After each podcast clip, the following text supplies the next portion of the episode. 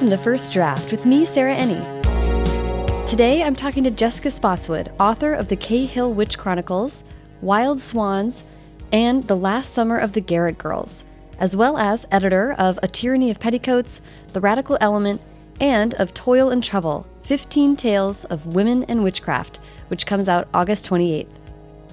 I loved what Jessica had to say about conflating our books with ourselves, shifting visions of her life as an author, and walking through the practical steps of putting together an anthology.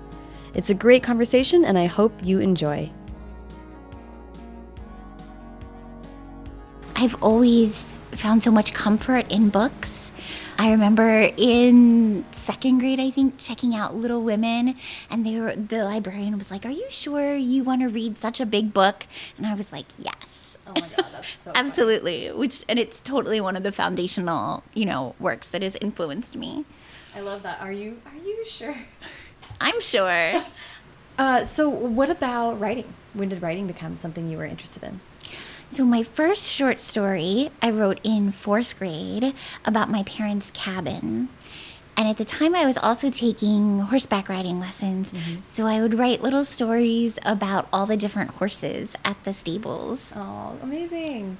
So you were writing contemporary stories? Yes. When did you, I think it's true that you went to college for theater for theater and English. And English. Yeah. Was it a conscious choice that you wanted to continue to write, or were you just interested in? What did you think about? Well, Washington College is known for its English program. They have the largest undergraduate literary prize. It's something like fifty-five thousand wow. dollars to a graduating senior gets who gets the Sophie Kerr Prize and they have a, a, literary house where they have a printing press and a lot of the writing classes are actually take place in this house um, and it's kind of a, a hangout for kids who are in the writing, creative writing program. So I went there focused on that, but then I quickly also started doing plays, which was a fantastic community. And so I double majored in drama and English with a minor in creative writing. Awesome. So it was definitely a focus of the college. You were like, I want to be a creative writer. Yes. Okay. Then how did plays, how did drama um, it sounds like from reading interviews with you it sounds like that became kind of the, the focus it was i think part of it was that sense of collaboration and community of mm-hmm. theater has always really appealed to me and in college there wasn't a lot of time to I guess to be alone, you know, to have that writing time. Like mm-hmm. I was always afraid that I was missing something. I feel like in college when I would sort of seclude myself in my room. And so theater just became I think also I wasn't sure what I was going to do with an English degree, right? Like that is the eternal question mm-hmm. that teachers and parents and family members ask, you know, are you going to teach? And I knew I didn't really want to teach. Mm-hmm. So I wasn't sure what it was career wise that I wanted to do. And then when I was, I think, a junior, I discovered the field of dramaturgy and new play management. We had a really fantastic professor who worked at a theater in Philadelphia and came down and taught a few times. Now she's the chair of the department, but she was really, Michele Volansky, she was really uh, inspiring you know, I love doing research. I took a lot of history classes as well. And so it kind of combined all the different things that I was interested in, in terms of helping casts and directors and research plays and also helping playwrights develop their work in, in the field of new play management. Yeah, so so you kind of just summed it up a little bit, but I just want to be super clear like what exactly dramaturgy is. Sure. So, dramaturgy oh my gosh, it's so many things. But one of the things is that you're doing research. Like, for instance, I worked on a production of the Laramie Project. So you're researching, that's a really clear example of researching everything about like Matthew Shepard and that case and the people of Laramie, Wyoming, since all the characters are based on real people. So you're creating this binder basically full of information so that when the cast has questions about the characters they're playing or when the director has questions, you are the person who has those answers mm-hmm. or can find those answers, mm-hmm. which is actually also a lot like being a librarian now that I think about it. Mm it all comes together. I know. Well, and it, I thought about it. It's going to come up a little bit later when we talk about anthologies as well.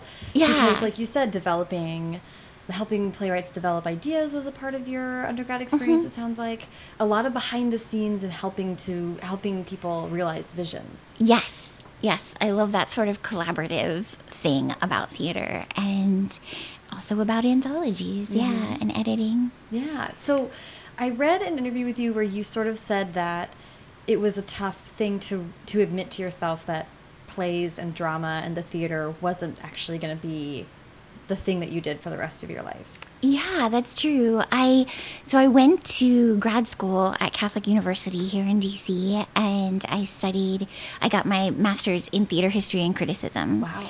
And my program, you could sort of fit the program to what you're interested in and I focused a lot on dramaturgy and new play development and I did internships at studio theater and arena stage and you know, script reading for those places and Theater J. And I really enjoyed that. But ultimately, yeah, I realized, I mean, theater is such a side hustle for most people, you mm-hmm. know, where you are working a day job and then you're also doing rehearsals every night.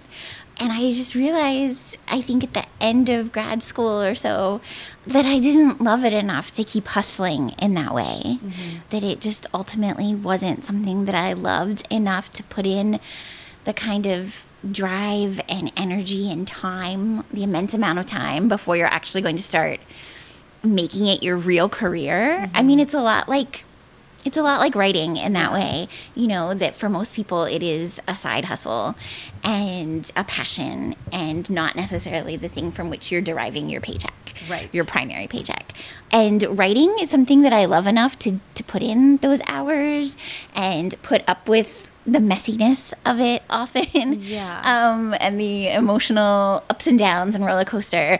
And I think theater is very similar and it also has all of those things, but ultimately it wasn't something that I felt passionate about to make up for that. Yeah. Yeah, that's so interesting. So so you mentioned in college maybe sort of the creative writing dropping off a little bit because of FOMO, maybe. Yes. And uh, I'm curious about when that came back. When did you sort of find your way back to creative writing on your own time? So it was actually after grad school because I had time to read for fun again, right? Because in grad school, there's there's no reading for fun. Not really. And while I enjoyed reading plays, I really didn't read a lot of fiction during the because I was doing I was doing grad school part time and working full time mm-hmm. for like three years. And so I really, there was no time really for reading fiction for fun. But when I finished my degree, I was like, I'm going to reread all the books that I really loved when I was a kid. So I reread Little Women, I read Anne of Green Gables. Oh, and that was when Twilight was really popular. This was like 2006. Mm-hmm. So Twilight and Vampire Academy and Libba Bray's A Great and Terrible Beauty. And, you know, those books were were so popular and it was sort of the beginning of that huge wave of YA being so popular and I was like this this is what I was writing in high school because I wrote books in high school just sort of for myself and my classmates I never tried to get published or anything they were terrible they were Gone with the Wind knockoffs Oh yeah, that's right. We didn't even talk about Gone with the Wind for you. yeah, so Gone with the Wind, which I now realize is very problematic. But when I was 12, I didn't know. I didn't know. And I just loved it. You know, I grew up right outside Gettysburg, which is a big Civil War battlefield. So, and my dad's a Civil War buff. So I knew a lot of history. And then when I was gosh, I was probably like 11 when I read Gone with the Wind for the first time. and it's such an enormous book. And, but I like gobbled up the history, um, biased though it may be. And I really fell in love with the character of Scarlett O'Hara because she's terrible. And I loved that. Like, I loved this like super flawed female character because the stuff I'd been reading you know, Little Women, Anne of Green Gables, that kind of thing, they're a little moralistic. Yeah. And so there wasn't, I mean, Anne of Green Gables is flawed, Jo is flawed in Little Women, but not in the same ways. They're still aiming for good, right? Like Yes. a huge thing with Anne is that she doesn't understand why she can't be the good person that she wants to be. Like her struggle to be what she thinks she should be. Right. Part of it. And Scarlett is just like, I want mine. I don't want to be hungry. That is like such a basic thing. Yeah. And she doesn't care what she has to do to make sure that she and her family are safe. Right. She's a survivor and she's selfish and she's unapologetic about it. And I found that super fascinating. Mm-hmm. And she still is like deserving of love. When you Yeah. read the story, like I'm obviously agreeing with you that it's a hugely biased story. And we need to read it with that understanding. But she is such a complicated female character, and you see that she still like is loved and exists in the world. It's very interesting. It is. It is. And so my first books were that I wrote when I was, you know, 13, 14, 15. Pretty much every summer I would write a book. Um, You're on the book of your schedule Yeah. way back. And I would stay up like all night and write until like you know three or four in the morning. And they were go- these terrible Gone with the Wind knockoffs about girls who rode horses because I rode horses and fought with their sisters because I fought with my sisters. And kiss boys because I wanted to be kissing boys, but I wasn't. So those scenes were particularly terrible. um, but I would take them into my English classes. You know, we had a real focus in high school on reading and writing workshops. And so we, I would bring them in, and my classmates would, you know, you would trade papers with or stories with a classmate and critique them. And my classmates would like critique my little stories or my chapters of my books. Wow. And I think it was really helpful for learning to get criticism really early on in terms of, you know, what do you like? What's working for you? What do you want to see more of? Mm-hmm. You know, because it was so fun then to like bring in the next chapter and give it to my my readers. Yeah, and there's something to be said too for like critique that is like unlike when you get critique online, these are people that see you every day. So at least in theory, they're going to be a little gentler Yeah. and sort of in your corner. So I think it makes it easy when you're especially when you're that young and you're like bouncing back, you know, this wasn't supposed to be like a Pulitzer Prize winning piece Right. of fiction. You just wanted to I'm I'm projecting on you, but I can imagine you like, yeah, you want to write the next thing and you want it to be more fun. Yeah, exactly. That's so cool. Um, and so when I to go back to like right after grad school when I was reading YA, I was like, oh, this is what I was writing. I was writing about teen girls before I knew that there was really a category about writing about teen girls. Mm-hmm. And I loved the the magical paranormal element of things and I loved the historical element of Libba Bray's Great and Terrible Beauty. I love that book so much. And so I started writing again because all of a sudden I had all this free time that I wasn't using for grad school. So I wrote my first book that, well, over the course of about three years, really. Okay. Um, I wrote and rewrote and rewrote my first book um, as a grown up, which was called Inheriting Garrulus. And it was about a girl who discovers a portal to another world where artists are considered enemies of the state. Ooh, interesting. And she's a portraitist. Oh, cool. So that book, so um, it took over three years, and you were doing working a day job. Yes. What yeah, were you I doing was, at that point? I was working at Catholic University as an admin assistant for the, their press, their university press. Cool. Yeah. So you were in publishing. I was. It was very. It was very basic. Like I helped with contracts and filing and doing royalties and stuff like that. but it's kind of great to have that that kind of a gig too. You can leave it at the office when you go home. And Yes, very much. Yeah. So I did that for nine years until I got my book deal. And at night, I was writing and rewriting this book. I started off with it in third person past tense and ended up rewriting the whole thing into first person present tense. Wow. Which was a big time consuming revision, but I think it needed that for more immediacy and mm-hmm. connection with the main character. Like combined characters. I just, I mean, I just rewrote the shit out of that book mm-hmm. basically until it was what I felt was the very best I could could do it. And Yeah. also, while I was at work, I was often researching agents because that mm-hmm. was when everyone was blogging. Yes. And so I was on Twitter a lot and I was reading all of these agent blogs and reading the acknowledgement sections of books and making my spreadsheets to figure out who I wanted to query. Mm-hmm. All of that. So you, when you after grad school, you decided theater actually wasn't going to be your calling, but you immediately started taking writing pretty seriously. Yes. Okay. And we had you tried your hand at a novel in undergrad when you were taking those creative writing classes? No. Okay. No, I just did um I did some short stories and I I tried to work a little bit with the books I had written in high school, and they were really, I think that's the time when there was like such a big gap between like a talent gap, you know, where I was like, I know this isn't good, but I don't know how to do better yet. That's the the Ira Glass uh, quote, right? About Yes. the when you're an artist. Gosh, he has a really great way of saying it and paraphrasing it. I'm going to butcher it a little bit, but when, when you're an artist, you can envision something beautiful, but you don't yet have the skill to achieve that thing, and so closing the gap is like your career, basically. Yes. and I felt very much that way in college. Also, the focus there was really more on I mean, and I think so many people who take creative writing classes have this experience where the focus is more on the literary fiction mm-hmm. and poetry and stuff boys write, you know? Mm-hmm. Um, and no mm-hmm. shade intended to like some of my really good college friends were in these classes with me and they were rad and they're very talented. But I do feel like the kind of YA stuff that I was writing was not so much what my peers or professors were looking for. Mm-hmm. And on one hand, I needed to you know, I needed to grow and learn so much and mm-hmm. improve, and I needed constructive criticism. But on the other hand, I think I also felt a little embarrassed about what I was writing, or, you know, in a way that now I'm just like, whatever, you know? But at the time, I think I felt a little bit less than. Yeah. Well, and even if no one's saying that overtly, I feel like you just get the sense of it. Yeah, by what is getting praised and getting lauded. Yeah, for sure. Interesting. Um, so, so let's go through your your writing. Um, I'm sorry, you told me the title, but you're writing the the first book. um, Yeah. that got you agented. How does that lead to the Cahill sisters to Born Wicked? So the first book, Inheriting Garrulous, did not sell. I got my agent, Jim McCarthy, who is fantastic.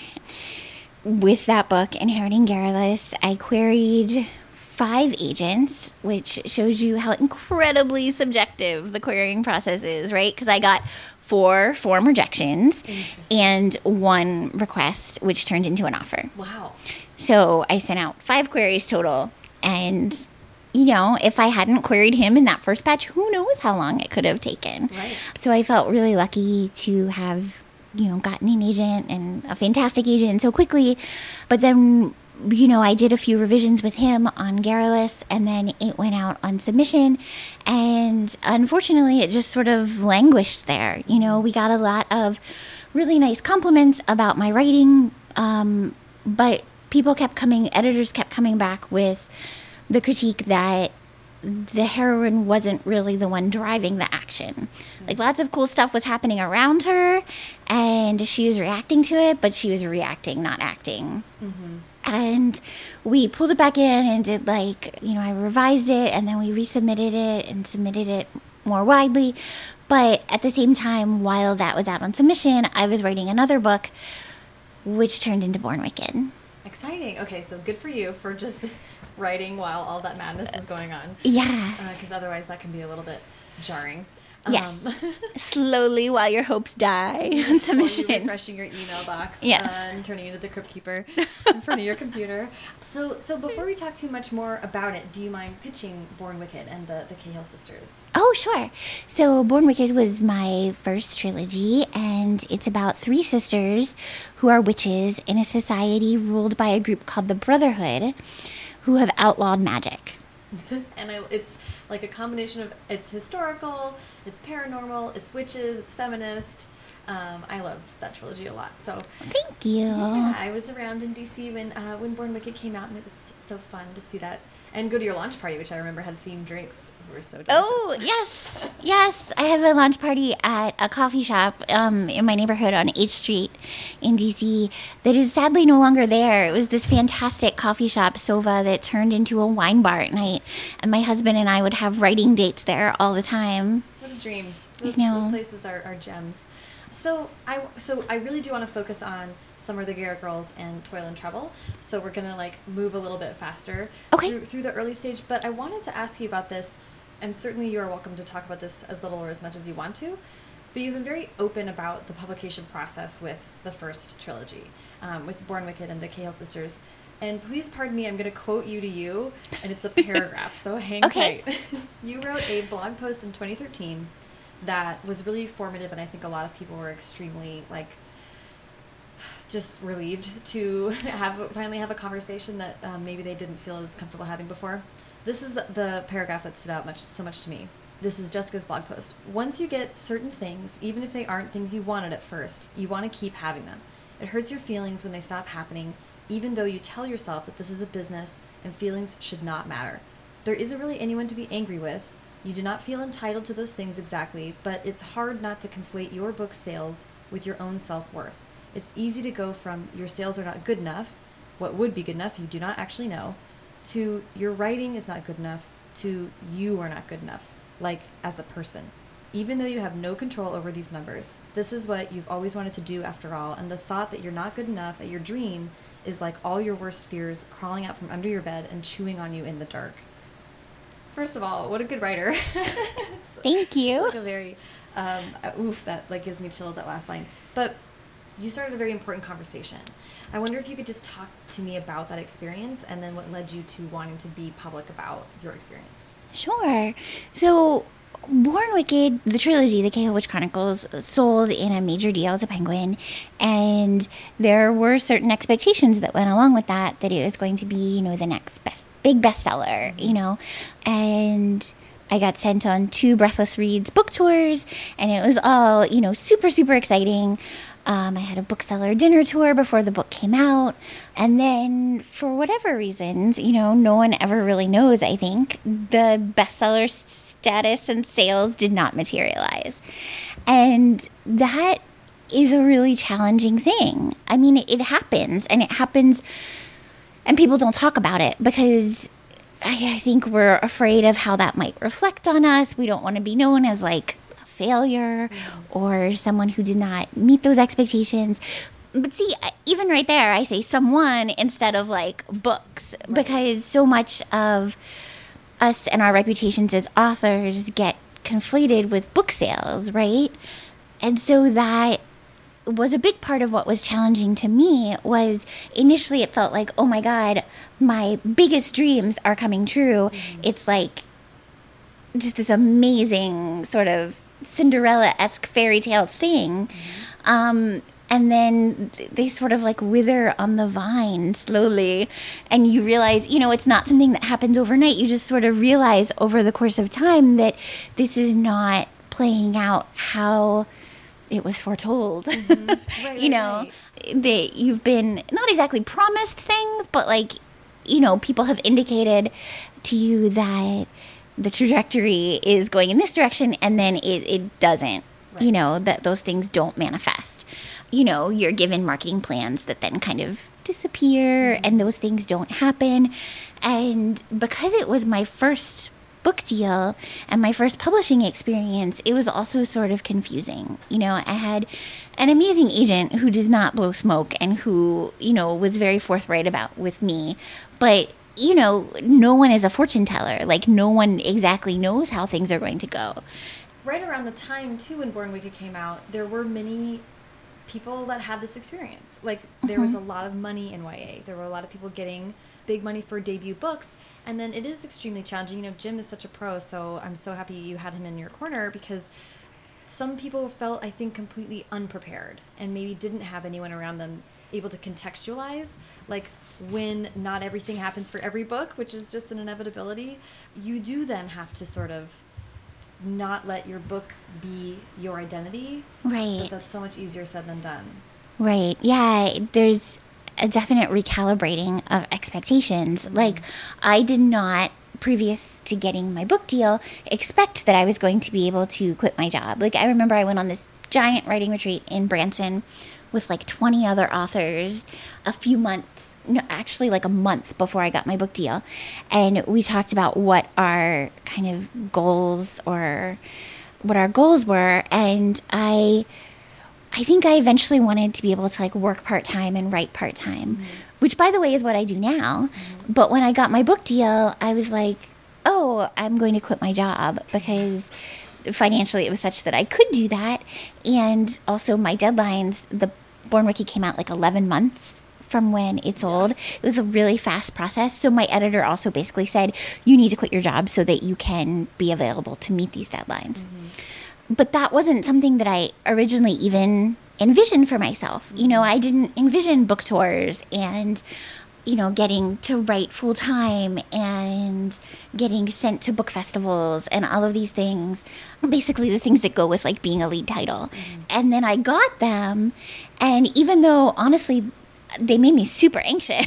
Right, right, right. um, both because I didn't really know what I was doing yet, and because you know I have anxiety, and so the idea of like becoming a, more of a public figure, you know, was very anxious making at the time. But also, you know, they just weren't things that I had had necessarily wanted. But then when you get them and then you don't don't get them, yes, it feels like something's being taken away, mm-hmm. Or like you know that you're you're less than you were or that you're not being punished but like that you are that you're disappointing people. Mm-hmm. i felt like i was somehow disappointing people. And as someone who is an enormous perfectionist that was really really difficult for me. Mm-hmm. yeah.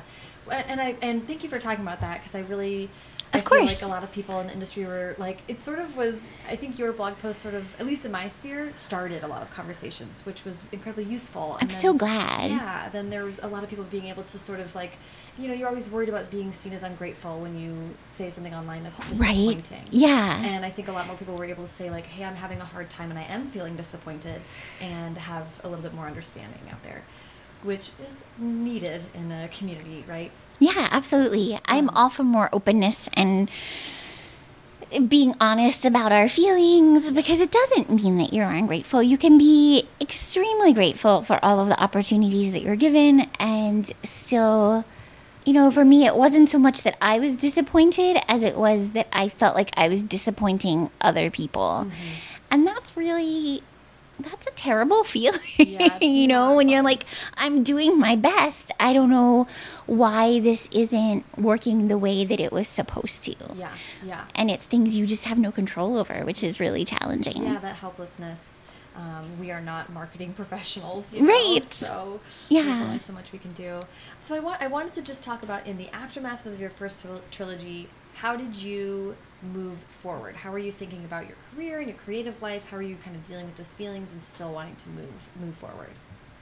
Sure. So part of it was financial pressure, mm-hmm. you know, because I had quit my job and so I was writing full time and I realized that I was not going to be able to keep writing full time mm-hmm. because most people can't and don't, you know.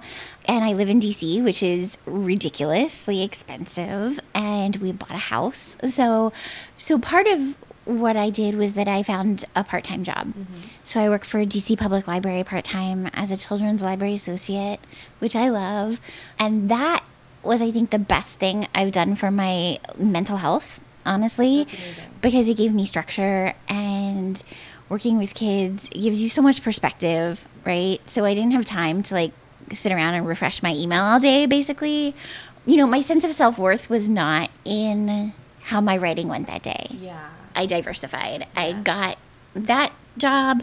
I also had the idea to do an anthology, and I developed a tyranny of petticoats and that was huge. And then I also decided to take my writing in a completely different direction, and rather than do kind of the more commercial, paranormal, historical fantasy trilogy, to just do like a standalone, quiet contemporary that was very character driven and very setting driven. Yeah. So I sort of set a new challenge for myself, I guess, that focused a lot more on the writing not that I wasn't enormously proud of the writing in the Cahill Witch Chronicles because I am, but I had like more specific writing goals um, yeah. that revolved more around craft. Ooh, that's okay. That's so interesting. So I do want to do that because I did see like, look, just from an, as an outsider, I saw your creative, your book writing self kind of go on two tracks. Yes. Which was the sort of merging into contemporary stories that seem more reflective of maybe what you wrote when you were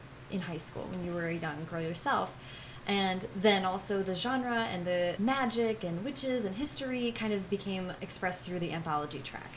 So first let's talk about your standalone contempts. I want to start with what you just said, which is so interesting to me that you wanted to focus on a craft side of it. How do you how do you mean that? So I just felt like the the expectations that I was struggling with were all outside expectations. Mm-hmm. There were these things that I didn't feel like I had any control over, mm-hmm. which was really anxious making. Mm-hmm. And at the same time, just to be completely straightforward, I was going through this really difficult time with my anxiety that was, I think, largely exacerbated? It, yes, it was enormously exacerbated by all of the uncertainty in my writing and publishing life. And also, I had stopped taking anti anxiety medication just to see if that was something that was possible, and it turned out that it was not possible. Mm-hmm. Um, that that's something that for my own mental health I need mm-hmm. um, to manage it. And so I eventually went back on medication, and I have a great therapist, and I'm doing, you know, really well right now. But at the time, I was like, I need something that I can feel more in control of, mm-hmm. you know, that I can not feel so helpless about, I guess. And so I was like, I really want to try to write a book where setting feels like a major character and to try to write a contemporary book that doesn't have magic in it because I'd never written a contemporary book with no magic in it. Mm. You know, all of my books had had had either been historical or had had a magical or paranormal element. So I set out writing Wild Swans, and I mean, hopefully I achieved those things, yeah. but but it was nice to try something so different. And I felt like there weren't these outside pressures. It was just like, can I figure out how to make this book work? Mm-hmm. And just like sort of taking away, it seems like maybe you're saying like, necessity is the mother of invention or whatever. Yeah. Taking away the magic and the history and these kinds of like hooky elements and then just saying, can I make a story about just people living in this world now work. Right. And it was so hard. like, honestly, I have struggled more with my contemporary books than with anything else I've done. That's so interesting. They're really challenging. Mm-hmm. And because I do think you've stripped away a lot of the big stakes of like, you know, for the Cahill Witch Chronicles, it's like, am I going to kill my sister? Mm-hmm. Am I going to be killed? Like, there are these big questions. Am I going to be arrested and hanged for being a witch? Mm-hmm. And with Wild Swans, the stakes are so much more internal. Mm-hmm. Um, with both of my contemporary books, you know, they're more of like, what will, if I'm honest about what I want and who I am, how will the people around me feel? How will they see me? Um, how I feel about myself? You know, am I going to disappoint people? That was also like a big theme in Wild Swans was this idea of my main character Ivy all the women in her family have been these extraordinary artists mm-hmm. and so she likes to to write poetry but she's not I mean, she's only a senior in high school, but she has not done anything extraordinary, and so she feels like a failure. And I definitely brought in a lot of the the ways I was feeling like an artistic failure, mm-hmm. and put them into that book, which I think was also very therapeutic. Yes, catharsis. yes, real. Exactly. I like to talk about Wild Swans and the Last Summer of the Garrett Girls some similarities I see between them. Sure. So can you give a little pitch for, for both of the books? Okay. So Wild Swans is about a girl who's been raised, uh, Ivy, who's been raised by her grandfather because her mother ran off when she was about three years old. And then she come, the mother returns the summer before Ivy's senior year with two half sisters that Ivy's never met. And drama ensues. Mm-hmm. I say that it's about first love and fierce female friendships and a very complicated family. And it's set on the eastern shore of Maryland. And then The Last Summer of the Garrett Girls is also set on the eastern shore of Maryland. And it's about four sisters who have been raised by their grandmother, who runs a small independent bookstore. And it's about a summer where all four of them are keeping secrets from each other. Mm-hmm. So, first, uh, I love that you set out to, to have a setting that was also a character. What made you choose the Eastern Seaboard? So that's where I went to college. Was on the Eastern Shore at Washington College in I, Chestertown. I did not know that's where it was. Yeah, and I love being on or near water. I find it very calming, like my character B in Garrett Girls. And I love the small town. I mean, I grew up in a very small town, so that also felt natural to me. Yeah. Okay. And the similarity, the obvious similarity between the two books is it's a lot about sisters And at what point are you friends? And what point are you sisters? And can those two things be the same? You have sisters yourself. I do. so I'd love to hear you talk about what you think you were working through exploring that those kinds of relationships. So so far all of my books are about sisters and I just think the really first of all I love and am fascinated by relationships between girls, whether it's friendships or romance or sisters or frenemies. Mm-hmm. Um, there's so many possibilities. And with sisters, I'm fascinated by that mix of love and competition, mm-hmm. of sibling rivalry, and how you identify yourself in relation to and in opposition to mm-hmm. your sisters. Mm-hmm. Yeah, I, I wrote here how much you want to be different and how much you want to be the same. Exactly. Yeah. There's that push pull, mm-hmm. I think, is really, can be really strong. You know, when I, so I have two younger sisters, I'm the oldest. And my middle sister and I are three years apart, and we fought so much growing up. Now we get along really, really well.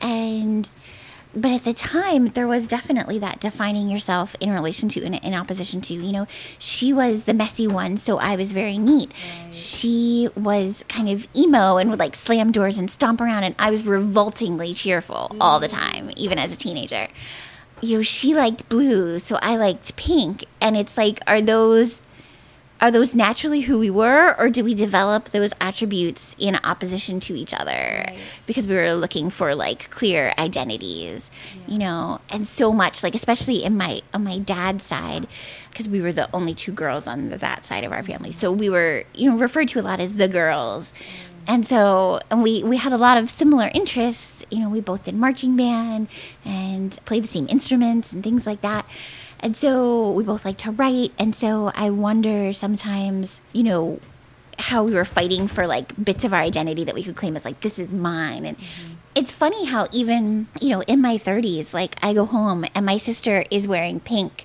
And sometimes I think that's mine.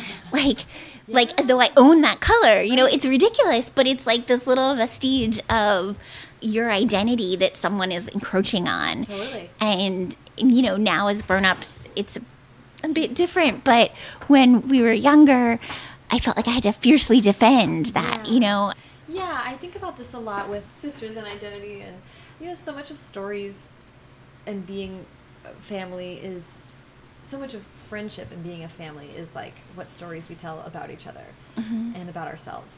And then once you get used to telling a story, it can be really hard to change that narrative about yourself. Yes. Not, not only in your own mind, but then to the people you've grown up with. Mm -hmm. I mean, I have two best friends who were like sisters, and like at some point, I had to tell them like we need to stop telling this story about when I crashed the car because I'm a good driver now, and we need to move past it.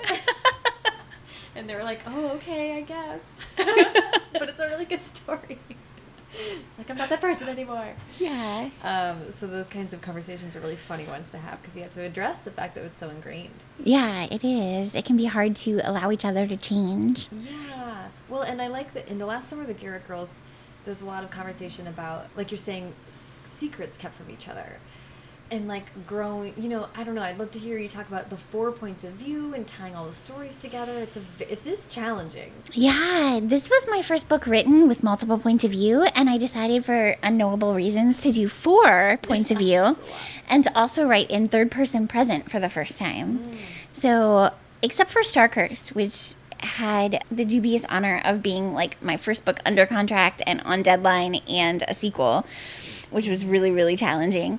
Um, I think Last Summer of the Garrett Girls is probably the book that I've struggled with the most. It was really challenging to write. And I think part of it is that I was doing third pa- or third present. Part of it is that I was doing multiple points of view and trying to figure out how to work that out. I ended up doing it just rotates, you know, like it Des B Cat Vi Des B Cat Vi. So just the sisters in birth order, like one two three four, one two three four. Yeah, yeah. This book was also not originally the book that I set out to write. I was going to write a companion for Wild Swans. Oh, really? And then I felt like I couldn't get the voice right for that, so I had a second book in my contract for Sourcebooks, and it needed to be contemporary. And I was like, I have no idea. And I was at Highlights doing an unworkshop with my friend Tiffany Schmidt, and she suggested writing an id list, I think she called it, but it was mm. basically like a love list of all the things that I really liked in books. So I put down all sorts of things and then I just basically threw them all into this book like sisters and bookstores and a cat cafe and dogs and first love and first love but like deciding maybe that's not who you want to be with after all and a houseboat and I just like fake dating like I just shoved all the things into this book. I love that. So how did how did Jim feel? How did you, Jim McCarthy, your agent, and I mean, how did you feel about taking this new tack? Like, what was it like to transition to contemporary? He's just endlessly supportive of whatever I want to do, which is amazing. I mean, I think we needed to go in a new direction anyway because you know it wasn't going to be feasible to sell more books to Penguin, so so just what did I want to do next? Mm-hmm. And at the beginning, Wild Swans actually had a paranormal element, a ghost oh. in it. And then I had lunch at one point with an editor who had read it and asked me to do an R, like a revise and resubmit on it. And I realized that the you know through talking to her that basically the book was full enough without a ghost like mm-hmm you could take the ghost out and the book still worked. Mm-hmm. And so that was pretty pivotal. And then I was like, okay, let's see if I can do this and just write a contemporary yeah. that doesn't have that paranormal element. I don't know. let's try it. So and I like being challenged. Yeah. Yeah. And that's a good thing. I think, like you're talking about refocusing and. I think your creativity is different when you are coming from the point of view of this book is going to be something, let me try it, versus this book has to be this thing and has to whatever I come up with has to be good enough. Yeah. Is a really different creative place to come from than let me try this challenge and see if I can do it. And there's a little bit of like if it doesn't work, it doesn't work implied in that, which help is so helpful. yeah. Let's see. Okay, well, now I do have a whole bunch of questions I want to ask you about anthologies. Ooh, yes, I love talking about them. so you did an extremely helpful, um, actually Reddit AMA about anthologies, which I read and prepped for this. Oh, awesome! But yeah, can, I'll, I'll link to it. People can find okay um, a lot of questions that you answered on there. But let's talk about um, you have a tyranny of petticoats, the radical element, and toil and trouble, which is probably going to come out the day this is released. Hooray! Um, the let's talk about the the how do you got the idea for petticoats. Where okay. did that come from? So I had been talking with April Tucholke about slasher girls and monster boys, and I asked her about her experience with that, and she basically said, "You should do an anthology. I think you would be great at that." And immediately I thought, "Ooh, historical fiction," um, because I love historical fiction so much, and I have been part of a group blog with a bunch of 2012, 2013 authors. So I knew a lot of people who wrote historical fiction, and I've read a lot of historical fiction because I really enjoy it. And so I thought, oh, I have so many authors that I'd want to work with just off the top of my head. Mm-hmm. And then maybe a few months later, I was on a writing retreat with the women that I'd gone on the Breathless Reads book tour with. Mm-hmm. Um, my first tour, which is Beth Revis and Andrea Cremer and Marie Lu, who are all lovely. And we were talking about potential projects that we were working on or thinking about working on. And I brought up this idea of the anthology, and they said, You should do it, and we would all write stories for you. And then I thought, Oh my goodness, I have to do it because they're all amazing and I want to read these stories. And also, practically speaking, they're all also extremely talented New York Times bestsellers. So if they will write stories for me, there is a high likelihood that I could sell this book, yes, this definitely. anthology. So I contacted my agent, and he was like, "Yeah, like this, you know, anthologies are kind of passion projects. You know, editors like them because they get to work with so many different awesome authors, but they're not necessarily, you know." financial gold mines so keep that in mind but you know go for it basically and he had worked on several different anthologies with Saundra Mitchell and with Carrie Ryan. And so I knew that he would be able to help me out with that. And I contacted Saundra right away, and she sent me like a sample proposal from her first anthology, and you know was very open to answering my questions because she's amazing and generous like that.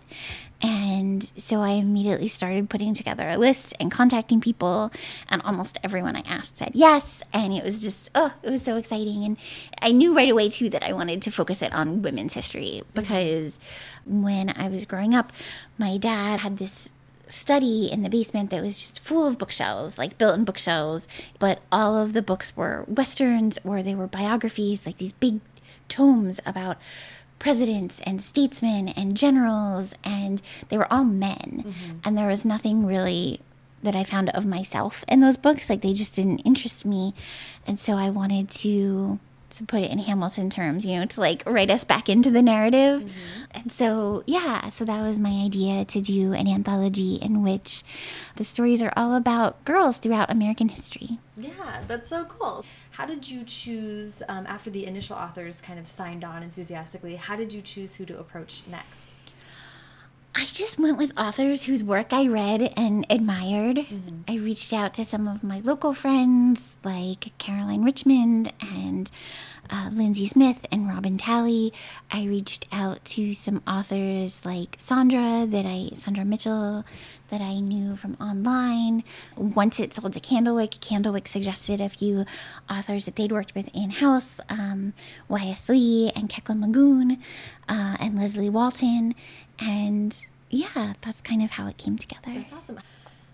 Taking on the task of editing. Yes. I wanted to start with what kind of, how would you describe yourself as an editor? What kind of editor are you? I like to think I am warm and encouraging, and I ask a lot of questions and organized. I love the organizing end of things. Mm -hmm. I have a lot of lists. yes. This is what harkens back to me to your formal education yes. and learning how to it's it's you basically are a project manager in some ways mm -hmm. and then in other ways you know it's so interesting to me to think about you having to turn flip this on its head and become the editor on the other side of the desk helping to guide authors through the process when of course you know that struggle yourself yes i think it's very helpful to to have been on the other side of it, to have been the one receiving notes. But you're right, a lot of my both undergrad and graduate training in dramaturgy was learning how to give feedback mm-hmm. in a way that people can accept it. Mm-hmm. You know? Yeah.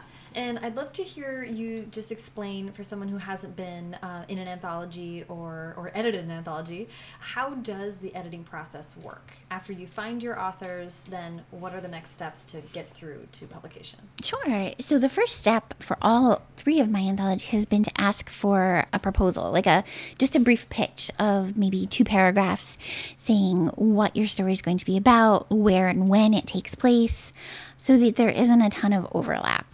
And then, you know, basically it's kind of the first people to get their ideas in. You know, you're probably not going to ask them to change it. Mm-hmm. If you get your idea in late, you might get asked to rethink your your pitch because you don't want to end up with for the historical anthologies, for instance, you know, we had a lot of pitches for Tyranny about girls who were dressing as boys to accomplish their aims, mm. or stories that took place in the 1920s. And you can only have like a certain number, right? Because you want to have a wide variety. So occasionally that means that you ask people, but before they've started writing or really researching, hopefully, to rethink and reimagine just so that there's a good balance of stories. That's the first thing. And then they have and I would share those with the publisher once they came in, and then we would give them, you know, a few months to go ahead and research and start writing their stories. Once we get the first drafts, I would read through them and well, I would send them to the publisher editor, the editor, the acquiring editors, let's call them. I have two at Candlewick that I worked with, and they would read them and send me their thoughts. So they would send me just a few paragraphs, you know, sometimes one paragraph, sometimes, you know, three or four, depending on the strengths of the story, you know, and let me know what they thought was working really well and what questions they have. Mm-hmm. They tend to focus much more on what is not working, you know, and leave the what is working for me to expand upon. Right. And so then I I do that, like I synthesize our notes so that it's not like you're getting three sets of notes, you're just getting one coherent, cohesive set of notes. Yeah that are my thoughts with some of the editor's thoughts incorporated as well about big picture stuff like the setting and the characters and the plot. I always forget plot. yeah. yeah, so we would I ask a lot of questions. I try to I very much use the sandwich method Mm-hmm. of, you know, these are the things that I think are so great about the story and then a paragraph or two about things that I have questions about and and often phrased as questions, just like tons of questions. And then at the end again, like I think these things are working really really well and we just want everything to be working that well. Yeah. And then the authors have some time to revise and they turn in a second draft. And then I do a line edit, which I love to line edit. Both of my solo project editors have been pretty heavy line editors. And so I feel like I've learned a lot from them. Mm-hmm. And I incorporate a few notes that sometimes um, one of my editors at Candlewick does a lot of a line editing and the other one does very little. And so i incorporate those into mine as well and send them off to the author along with like some smaller notes usually about the project you know like what is the character's motivation here? Like where can you bring out the setting? Because that's so important for historical. Mm-hmm. You know we really want to feel like we are where and when the story is taking place. And especially with Radical Element, where some of our authors were writing historical for the first time, that was something I really encouraged them to, you know, have all the sensual details that can bring out historical fiction, all of those little things um, that can really help place the reader in in that time. Yeah. So the basically one big edit uh, with the combined notes, and then a line edit stage, Mm-hmm. and then how do you decide the order that they go in? How do you how do you finalize the book? Right. So I'm really lucky with the historicals because we just put them in chronological order, which I think I think makes a lot of sense for the historical volumes. For Toil and Trouble, I have a co-editor, Tess Sharpe, who's fantastic, and she writes very um, twisty, non-linear books, mm-hmm. both for YA and adult now. And so I let her do it. I let her put them in order. I had strong feelings about which story should be the first story and the last story, which mm-hmm. were kind of just instinctual, kind of gut feelings. Mm-hmm. And then, you know, we had some stories that we knew we didn't want them to be right next to each other because they were more similar in theme or style. But otherwise, I just let Tess do it. Ah, that's so interesting. Okay, I have, I have more specific toil and trouble questions coming up, but that's Okay. that's really good to set the stage for just sort of how the process works. Sure. It is truly very time consuming. I mean, Oh, yes. yeah, you are talking about project management and like a lot of emails. There's a bazillion emails. Yes. And I could see conceivably that you could have spent all of your non-library time just managing this. How did you how did you get strict with yourself and make sure that you're making room for your own writing as well? Honestly, I don't so much. I tend to be very project monogamous. So when I'm working on one of the anthologies for the you know, cuz there's there's 2 or 3 weeks maybe when I'm editing mm-hmm. and then there are times where I'm waiting for the authors to do a revision or I'm waiting for our acquiring editors to get back to me mm-hmm. with their notes. And so then I would work on my own stuff. Mm-hmm. I'm not very good at switching gears between editing and drafting.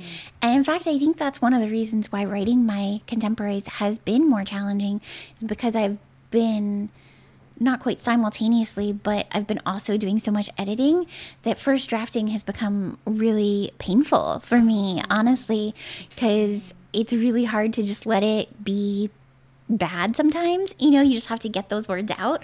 And I don't like that. Like, I want them to be better than they are the second they come from my brain to my fingertips. And that's just not how it works. I mean, I am very much like an edit as I go writer. Mm-hmm.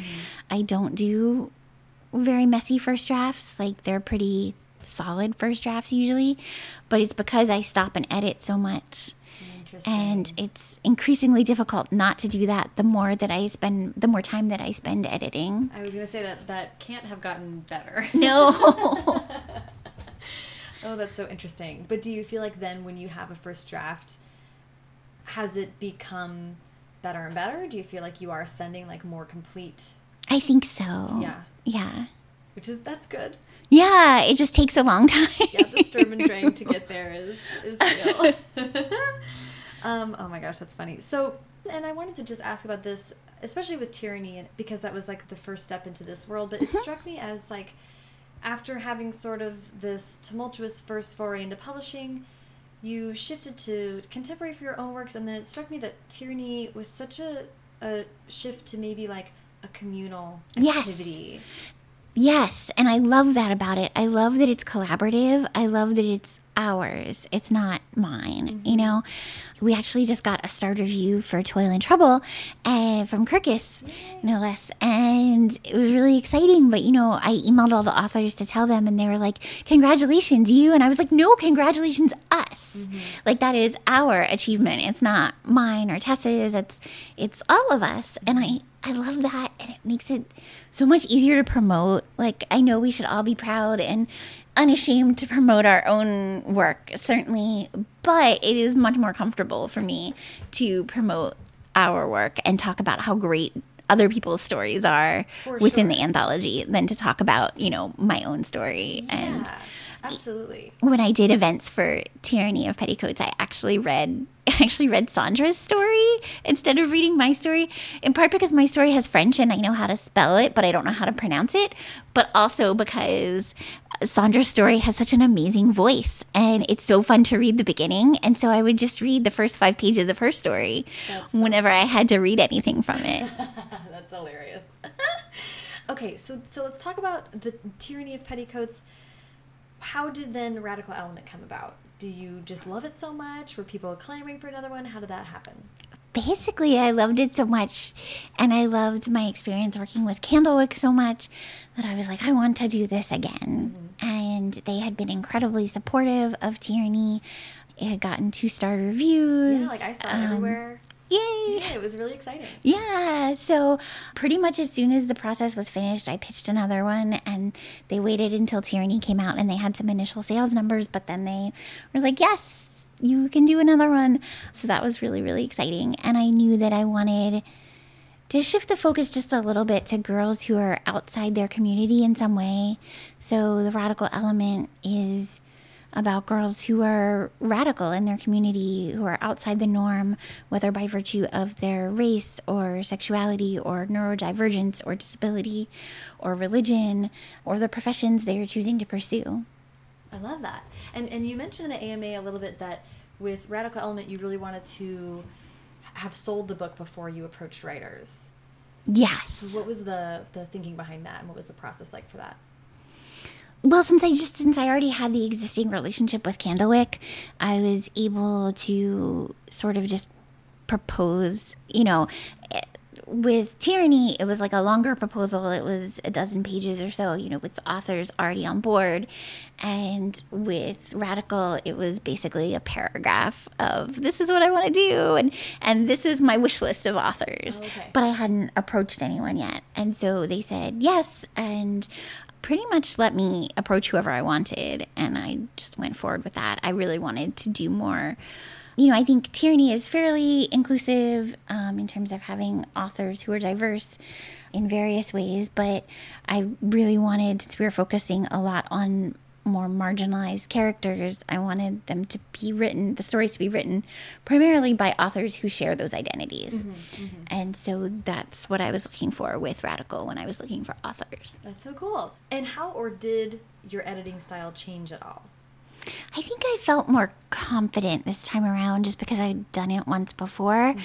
Our can- editors still weighed in, but I think they, you know, trusted me to know what I was doing. Uh, but this time around, you know, there were a few things that come up sometimes, you know, um, with people missing deadlines or with, you know, confusion about feedback. Um, you know, it's always hard to get criticism.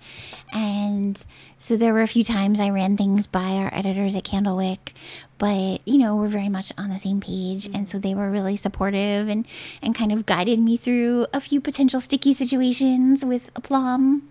Excellent. Yes. So the, the benefit of having the publisher behind you and able to guide you, those are like Yeah. editor issues, right? Right. You know, because the things that were, you know, anxious making to me or things that they've dealt with, like dozens, if not hundreds of times because they've been doing this for, uh, you know, years and years. Yeah.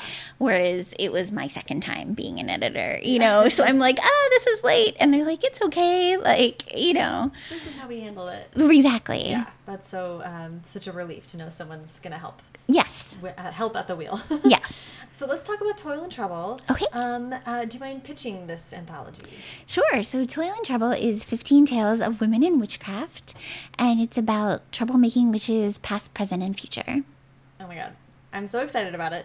How did because you, as you mentioned, you are co-editing this. Yes. Uh, how did that come about? Well, honestly, it arose from a conversation on Twitter that Tess was having with our agent, Jim, and some other folks about wishing that witches would come back. And someone, you know, suggested the idea of a witchy anthology. And our agent basically hopped into our DMs and was like, I'm not joking, you guys should do this. And Tess was like, I would love to do this, but I don't know how. And I was like, I know how, but I don't have time to do it by myself. Mm-hmm. So together, we managed. Amazing. That's Yeah. cool. And I love Jim being like, I know that I can make this happen. Yes, And you should do this for real. We were like, okay. Um, That's so cool. So how did you guys decide on how to move forward together doing this? I think basically we just emailed back and forth with our ideas, with potential authors we wanted to approach. I already had previous proposals, well, from the one from Tyranny that was a little more substantial. And so I sent that to her and we worked on the language, you know, just back and forth, like editing each other's stuff. Mm-hmm. We're both like really collaborative. So it was, that's never been an issue. You know, it's been really great. Did you know Tess very well before this? Not really. We were, like I said, both represented by Jim, and we, you know, have talked to each other on Twitter, but not like I don't think we'd ever emailed before this. That's so, So cool. yeah, so it's really fun that you know, like I made a new friend. Yeah, yeah. So how did you? I'm guessing you tried to split the editing duties. But, Yes. but as you mentioned, choosing. I mean, there's things that you want to do or are better equipped to do, things that Tess can take on. How did you kind of split those tasks? we divided the list of authors so that we each had half. Mm-hmm. And so we were the primary contact for those people. But, well, like Tess, for instance, Tess lives in the forest on the West Coast and doesn't always have internet. So Oh. sometimes, you know, I would, if I knew like her wireless is down, then I would just go ahead and respond to all the emails. Extenuating circumstances. Right. And I think we had like a round of past pages or like as uh, questions from the proofreader a few weeks ago when I was in the middle of something. It might have been when I was at BookCon or something when Tess took over for that and just sent out the queries. So we kind of go back and forth and that's been really great. But theoretically, we each kind of covered half of the authors and and were responsible for their edit letters and their line edits. I will say I am a heavier line editor than Tess and I'm also not great at delegating, so I still did a lot of line editing for her half of the stories. But it was nice because our Harlequin team was not as involved as our Candlewick team. And I think that's just a difference between editorial style and publisher. It's not uncommon. Like I've heard from several other anthologists, you know, that their publishing team wasn't really involved until like the book was finished and then they handed it over to them at like, you know, right before copy edits basically. Um, and they didn't do the the publisher editor didn't do multiple rounds. They just did like one light round before it went to copy edits. And that's what happened with this. But I was so glad to have Tess then because there's still two people weighing in on each story. Mm-hmm. I think I would have felt less comfortable with that level of oversight if it had just been me. Right. Or if it had been my first project, I would have been really anxious about it, I think, because I wasn't as confident in my editing skills yet. Right. Whereas, you know, this time between Tess and me, I felt like we were, you know, we were good. We didn't need a ton of oversight. Yeah, that's so cool. Yeah. I love that. Yeah, two eyes is always always better, right? So I a couple things I want to just hear if you have any projects uh, similar to that in the works, and then also I'd love to just hear your advice for someone who is considering trying to put a proposal like this together or has dreams of making an anthology happen? Sure. So I do not have anything currently in the works. I'm trying to focus a little bit more on a project of my own writing mm-hmm. and and some personal stuff as well. But my advice for would be, you know, future anthologists are that it is so rewarding. I find it enormously satisfying, the collaborative nature of it.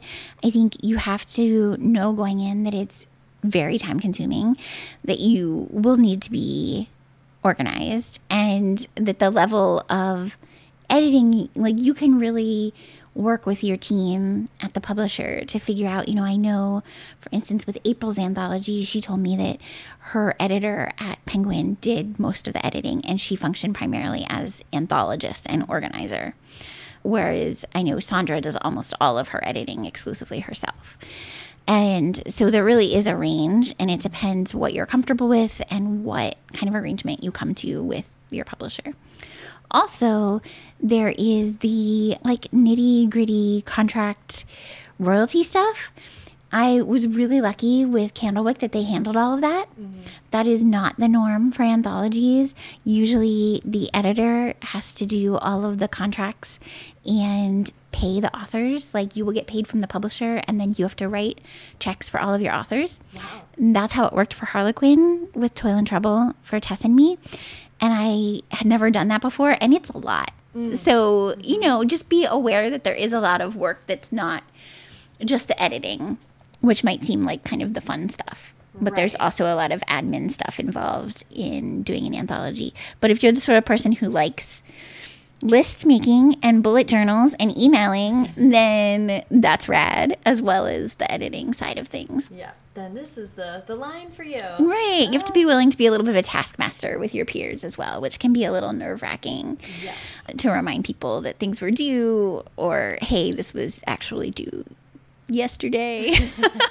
you know, and I get it. Like, I do not always meet all of my deadlines and things come up. But yeah, so you have to be willing to to do that and to give your peers constructive criticism, which can be a, feel a little awkward, mm-hmm. you know, when there are people that you admire personally and professionally to say, how can we make this better? You know, and when there are people you haven't worked with before, you're not always sure how they're going to receive that criticism. Mm-hmm. Yeah, that is very true. It's very good to have that in mind going in. Right. It takes a it's a skill set. Yes. Managing. And it's uh, not for everyone, which is totally fine. I say as someone who like, and delegating is also not my strong suit, so I totally uh, get that. Um, yes, Tess has been very patient with me. So I wrap up with uh, you. You just gave wonderful advice for people who are gonna are thinking about anthologies. But let's just wrap up with some quick writing advice that you would give to uh, aspiring writers out there. I think my biggest advice is to diversify. If you want to make this a career, I think it's so important to try new things, whether that's new genres, new age categories, new sort of functions like trying to organize and edit anthologies. The market is an, an ever shifting beast. And so I think the more things you try and stretch yourself creatively, the more likely it is that you'll be able to keep doing this crazy thing that we all love. Yeah, that's really, really wonderful advice. And thank you so much, Jessica, for taking all this time to chat with me. I super, super appreciate it. Thank you so much for having me.